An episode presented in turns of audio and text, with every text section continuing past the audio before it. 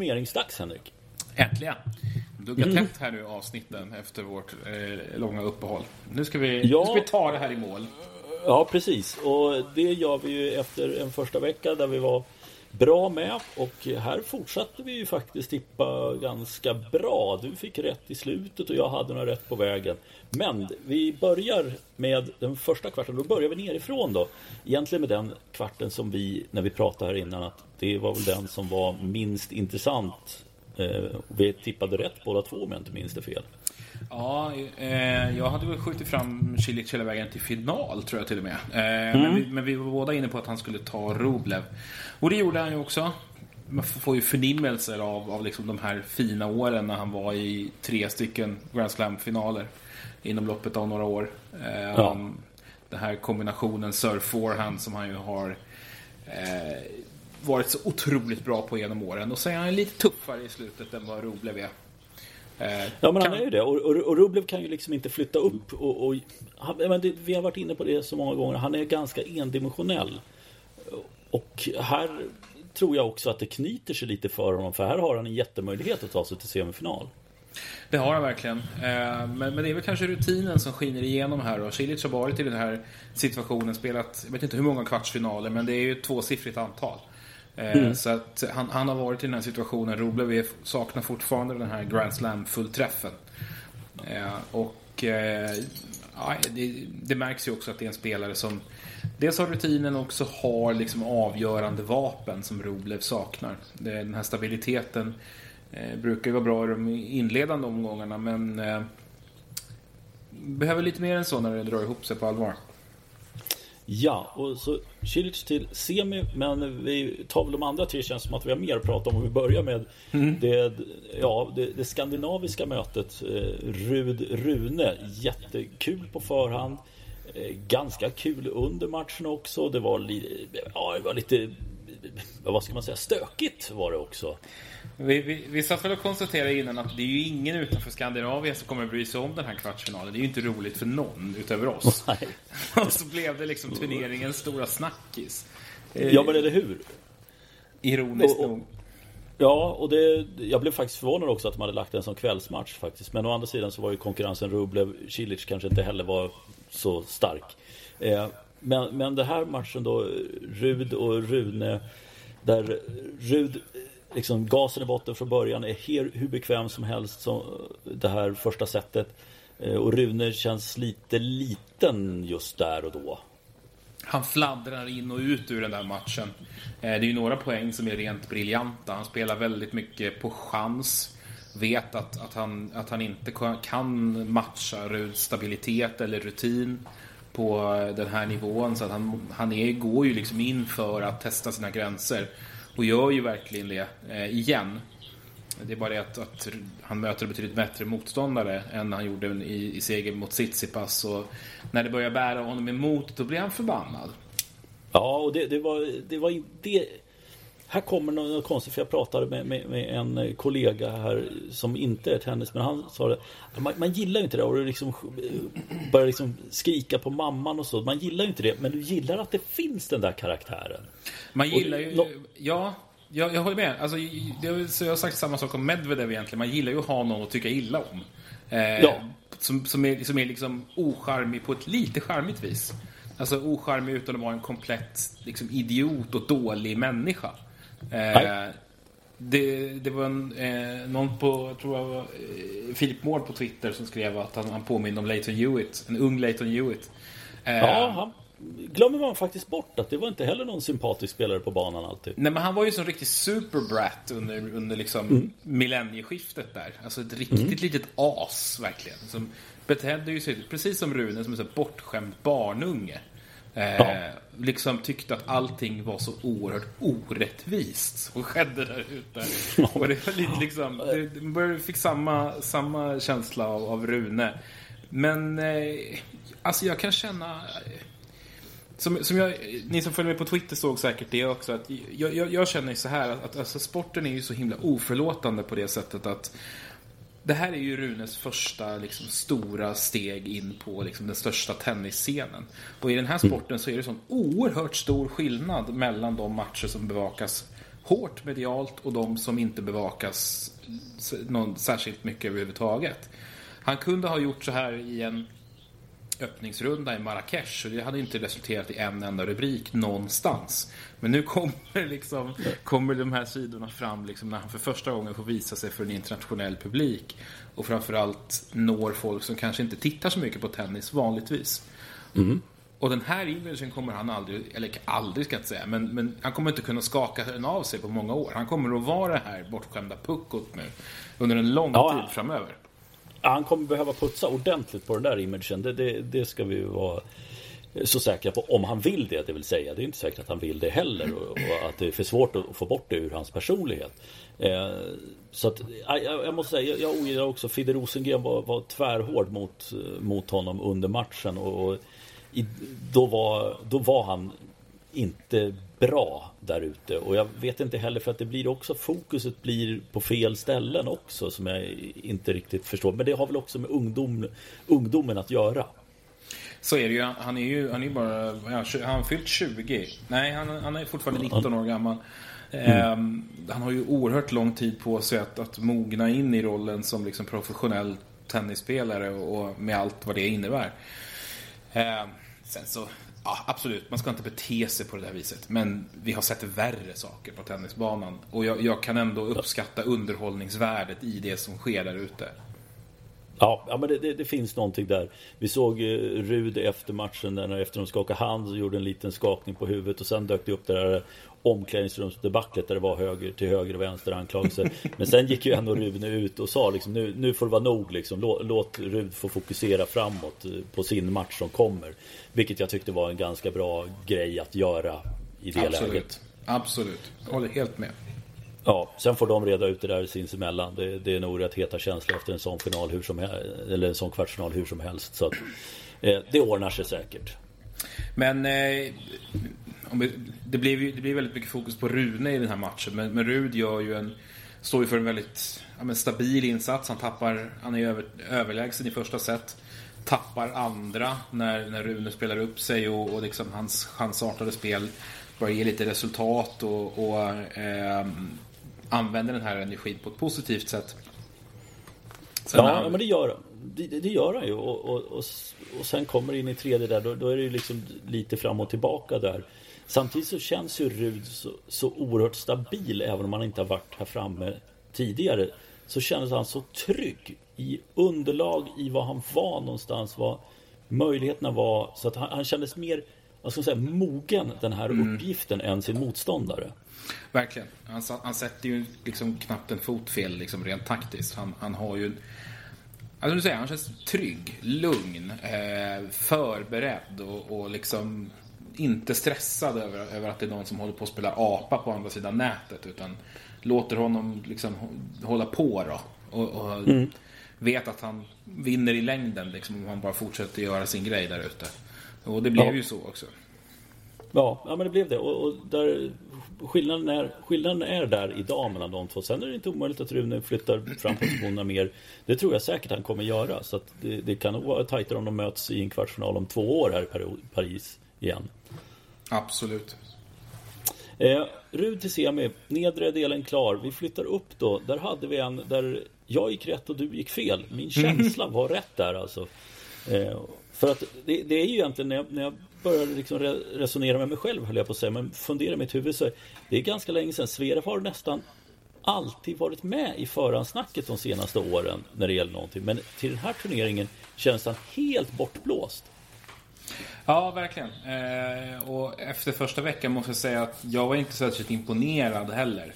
Eh, tyckte inte att han spelade överdrivet bra, men eh, det kommer ju faktiskt en, en ganska avsevärd höjning här mot Alcaraz. Framförallt i liksom viktiga skeden. Samtidigt som spanjoren väl inte riktigt når upp i den nivå som han har varit och touchat i som allra bäst här under våren. Eh, det blev en övermäktig uppgift för honom. Han kunde, liksom, det är ju sån här sak som, som kommer med åren också. Att kunna fokusera sin bästa insats till den här typen av matcher.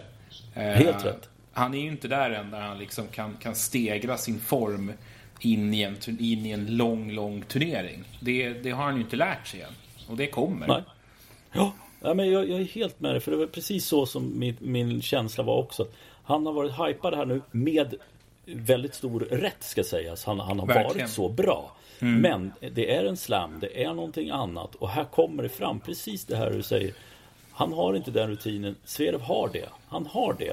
Och just det att lyfter sig. Han, behöver, han behövde en sån motståndare för att lyfta sig. Och hade väl egentligen också delvis publiken mot sig. Jag tror att det, det, det triggade honom jävligt bra och visa att ja, men jag fäller inte in hovarna riktigt än. Utan det här, det här ska, du, ska du vinna den här matchen, då ska du göra det för att du spelar fenomenalt. Ja, absolut. Eh, som sagt, en, en, en tydlig höjning från Zverevs sida. Eh, och Alcaraz kommer ju komma igen. Det, ja, men det är vi helt övertygad om. Ja, men det kommer han. Det kommer han. Så att, det är ingen oro för den sakens skull. Uh, han kommer stå med en slamtitel snart också. Eh, men då går vi, vi, vi, går upp då till den matchen som vi pratade om, den moraliska finalen. Där jag trodde Djokovic och du trodde Nadal och du fick rätt. Och det var en... Eh, ja, vad ska man säga? Jag, jag, vet inte vad jag ska säga om det var... Det, det var ju underhållande att titta på. Det var inte den bästa match de gjort mot varandra. Eh, men Djokovic kändes nästan lite clueless i inledningen av eh, ja, ett och ett halvt set egentligen. Vi pratade om att vi inte riktigt visste vad vi hade honom spelmässigt. Han, han, gjorde en bra match mot Schwarzman i åttondelen. Men, men samtidigt så, så hade han liksom inte satts på några svåra prov överhuvudtaget. Inte en setförlust. Nadal svajat lite upp och ner. Framförallt testats utav Oshar Aliasim. Man hade tydligare bild om man hade honom liksom spelmässigt. Mm. Men, men, jag håller med. Jag, jag, tror, jag tror att Djokovic kanske var lite osäker på sig själv och, och var han stod i förhållande till Nadal. Mm. och, och jag tycker att det, det medför en osäkerhet genom hela matchen egentligen. Han, han blir liksom lite... Svårt att veta liksom lite grann var han ska trycka på gasen någonstans och, och liksom var han kom... Han hittar liksom inga solklara sätt att komma åt Nadal den här gången. Eh, inget liksom återkommande vapen som funkar. Sen tycker jag nästan alltid att, att Nadal är bättre i, i volleyspelet än vad, än vad Djokovic är. Och nu var det liksom kändes som tydligare än någonsin. Det var ju någon sån här riktig Djoko-smash. ja, det var det. och Nadal var ju liksom, känns som att, jag upplevde nästan som att han medvetet valde svåra slag över huvudet. För att liksom hamra in det hos Djokovic. Alltså det kan, ja. det, man kan se det, välja det som ett skämt, men jag, alltså jag tror nästan det. Eh, han, han, vet ju naturligtvis om att det här är ju en, en liksom, tydlig svaghet hos Djokovic. Eh, och, och någonstans, någonstans kunna skicka den signalen att han själv bemästrar det så oerhört bra. För han var jävligt, jävligt stabil i liksom det korta spelet och med, med stoppbollar och eh, volleyspel och liksom ja, men, hitta avgörande smashar och sånt. Allt sånt essade Nadal tycker jag. Och där var Djokovic direkt svag. Eh, så det var en, en, av de avgörande punkterna, absolut. Ja men det var ju det. Sen är det ju intressant att se där i andra set så helt plötsligt så, så hittar Djokovic några små grejer och då kan han bygga på det och liksom snor åt sig det andra sättet. Eh, och sen så händer ju egentligen samma sak i tredje. Nadal tar tillbaka kommandot. I fjärde är de ju med båda två. Så där har ju Djokovic en möjlighet. Men mm. det, liksom, det vill sig inte riktigt. För att just som du säger, det är, det är små grejer som gör att han inte riktigt är på den nivån han ska vara på. Eh, och kan liksom ta det till ett femte. Och, och Nadal är ju, ja, men han, han, är inne i det, han fick den där tuffa matchen. Jag trodde att det skulle sitta mer eh, i honom än vad det gjorde eh, i ärlighetens namn. Men, men det är, jag tycker det är otroligt starkt av Nadal och med den vinsten i ryggen sen, alltså, då, då blir han ju ett monster. Han, han slår Djokovic. Ja, verkligen. Han har ju den här auran av liksom oövervinnelighet eh, genom hela matchen. Att vad du än gör så kommer du aldrig få hål på mig. Liksom. Det, du, eh, och Djokovic får verkligen kämpa in poängen. Han, han, han, har ju genomgående i matchen väldigt lite gratis. Ja. Eh, även fast, liksom, som du säger, ingen av dem är ju egentligen på den här astronomiska nivån spelmässigt som de kan vara när de tar ut det bästa ur varandra. Där var vi inte riktigt den här gången. Nej. Det, var vi inte, det, det, är fortfarande, det är fortfarande en jätte, jättebra match ska jag säga. Så, så det är inte det. Men, men, just att vi vet att det har, det har i alla fall funnits en nivå till som man inte riktigt eh, kunde fånga upp där. Ja, ja, nåväl. Eh, kvartsfinalerna klara. Vi tar väl Rud och Cilic. Där känns det, tycker jag, fortsatt som att Rud, han är så bekväm. Cilic har ja, men nästan att han har tagit sig, inte att han är nöjd, för det tror jag inte han var, men jag tror inte det fanns tillräckligt i tanken för att han skulle kunna växla upp en gång till och nu möter han en, en grusspecialist på andra sidan, eller grusspecialist kanske lite men har grus som sitt bästa underlag i alla fall. Och han hittar liksom inte vägen förbi Rud. Nej, eh, han gör ju inte det. Eh, det här var hans första semifinal sen, i en Grand Slam sen 2018.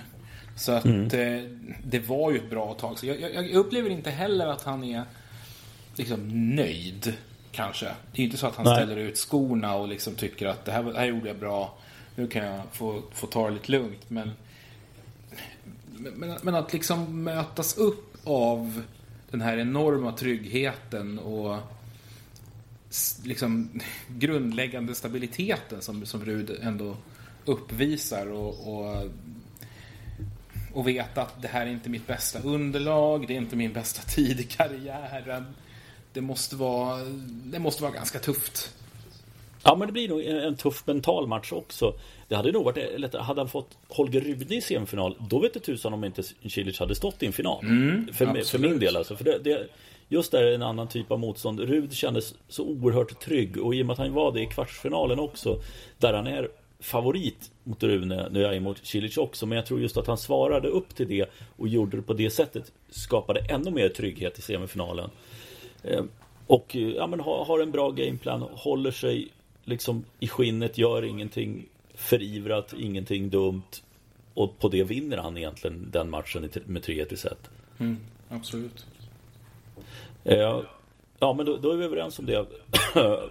och jag hade väl fan med Rud i final där, att vi skulle få första norske spelaren där. Ja, eh. precis. Jag, jag chansade ju och trodde på Cilic. Eh, ja. Att, att han skulle ja, det var ju sist, stå för något chansen. övermänskligt. Men eh, eh, det här var nog sista gången vi såg honom i en semifinal, skulle jag tro.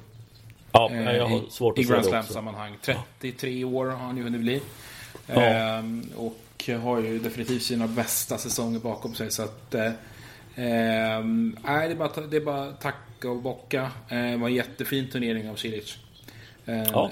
En, en, en värdig liksom... En, en, en värdig sista framgång för honom. Ja, i Grand Slam-sammanhang skulle vi säga. Det är mycket ja. möjligt att han kommer vinna turneringar efter det här. Men i en sån här stor turnering. Eh, vi flyttar upp då till den match som eh, fick eh, ja, det, det, stora efterspelet där.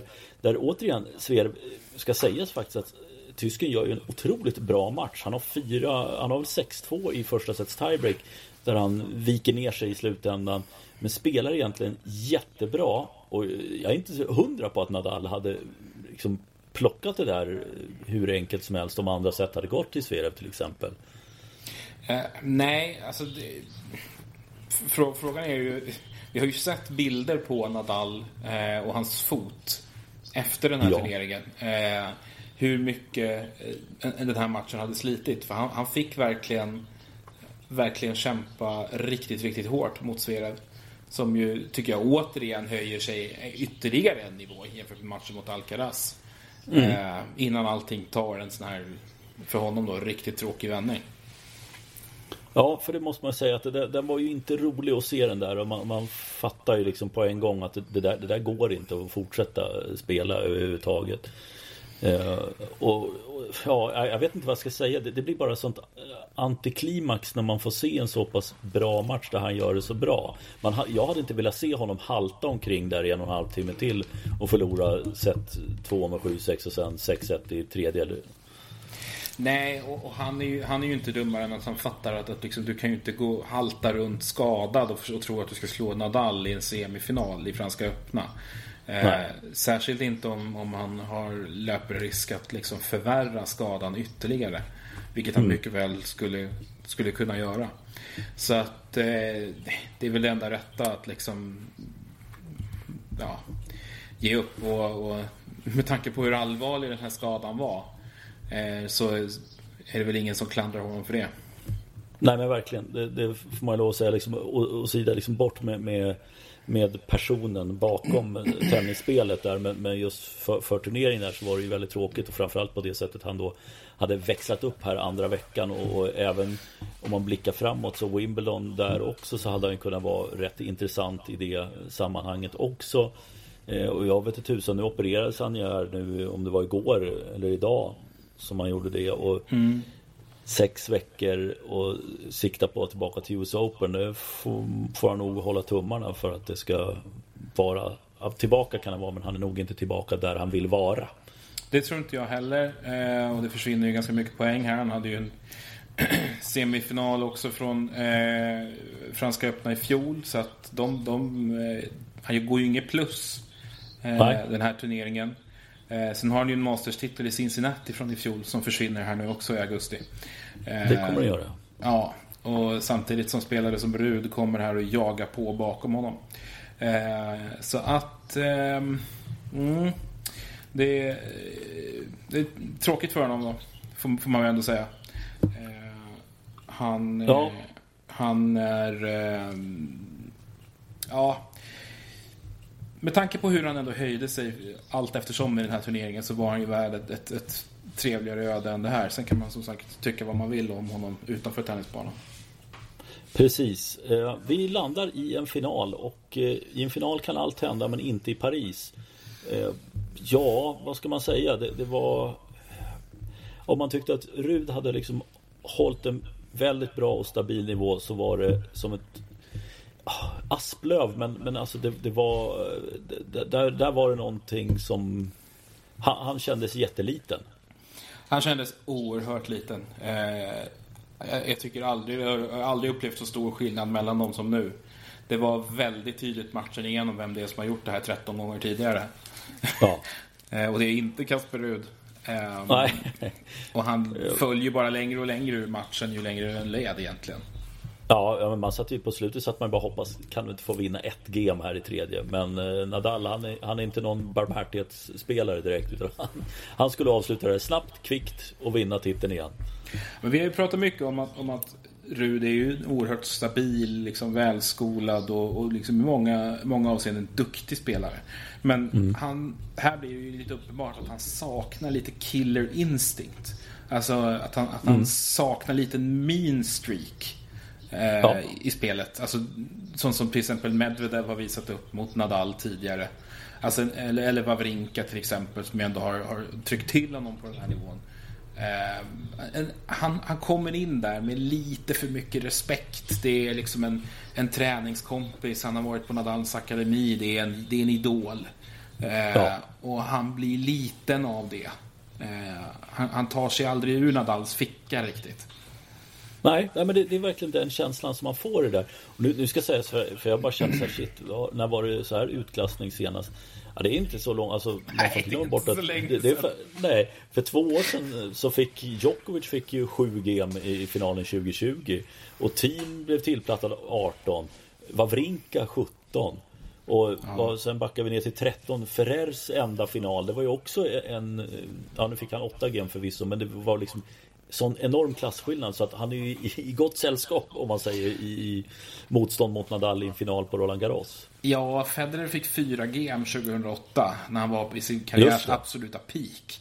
Eh, det, ja, det, det, Då försökte han i och för sig spela som Nadal den finalen eh, för, för att shake upp det liksom. Men, men eh, ja, han är i gott sällskap får man ju ändå säga. Men, men det var en eh, det var en lite så halvplatt insats och, och, det var ju i andra sätt när han, han ändå tog ett break där tidigt och, och sen tappade ja. liksom direkt i nästa game.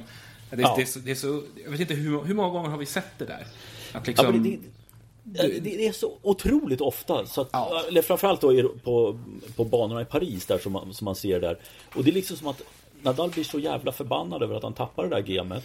Och ja men lite som att för andra spel vad ska man säga? För andra spelare som tappar ett set så kan man, om Djokovic tappar ett set eller något sånt där Då blir han förbannad och så kör han över dem med 6-1 i, i, andra Men mm. han blir förbannad bara vid ett break och då är det liksom mm. så här och, och det är nästan så att man tror så här, ja men Rud är rätt nöjd att han har gjort det där breaket Mm. Men för att sen klara nästa game så måste han ligga på 110% bara för att hålla sitt eget servegame nästa gång.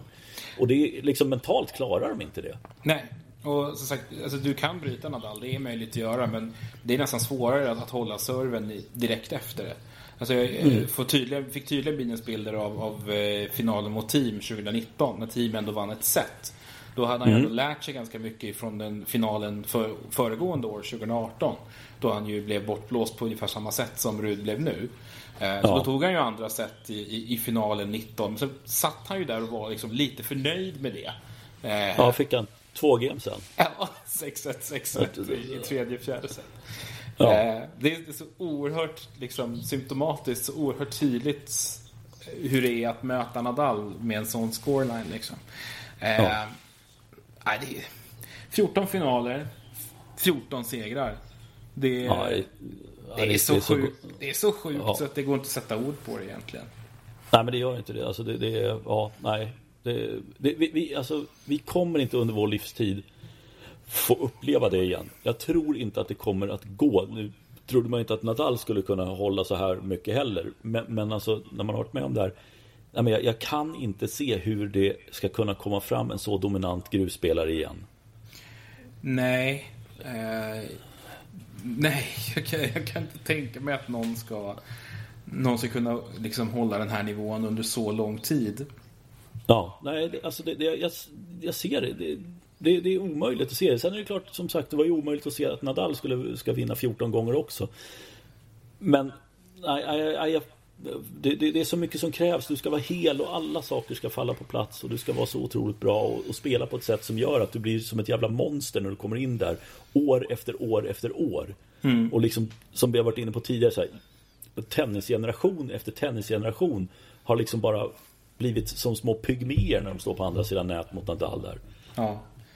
Eh, och vi är snart, vi är snart inne på 00-talet. Vi är snart inne på, alltså när Nadal vann sin första eh, Franska öppna titel, då var ju Kasper Rud eh, sju år gammal. Ja. Eh, och vi är snart inne på 00-talet liksom, eh, vad ja. gäller motståndarna. Så att, eh, ja. Det, det är frågan vad vi, vad vi, vad vi eh, kommer att stanna vid. Det är väl den här fotskadan som kommer att få avgöra det i slutändan dessvärre. Ja, för den, den, det, det lät ju inte så bra att han hade spelat på sprutor där och kände inte sin fot. Var väl också något som han sa. Såg här bilder som var på sociala medier. Nu vet, ska jag inte säga verifierade bilder om det var så att han hoppar på kryckor här nu efter den här eh, Ja, nu här i dagarna eller om det var några bilder från tidigare. Det ska låta vara osagt men jag tror att de var nya i alla fall. Mm. Och, och alltså om det är så stort problem då undrar man om han kommer spela något mer under den här säsongen nästan. Wimbledon känns ju definitivt som en turnering som är allvarligt i fara för Nadals del. Ja. Um, han säger ju själv att han ska göra ett, ett ärligt försök och spela där för han, han vill väldigt gärna göra det. Um, och det hedrar väl honom men jag tror inte han kommer att göra det. Uh, med tanke på hur stora problem han har haft under hela våren. Eh, det är ju nästan så att han bara spelar slams nu. Eh, ja. Det är ju ett oerhört sporadiskt och upphackat spelschema som han har nu. Och Wimbledon är en turnering alltjämt där han med sina gamla knäproblem, som man ju nästan har glömt bort. Allt började ju med det. Eh, Just den här skadehistoriken 2009.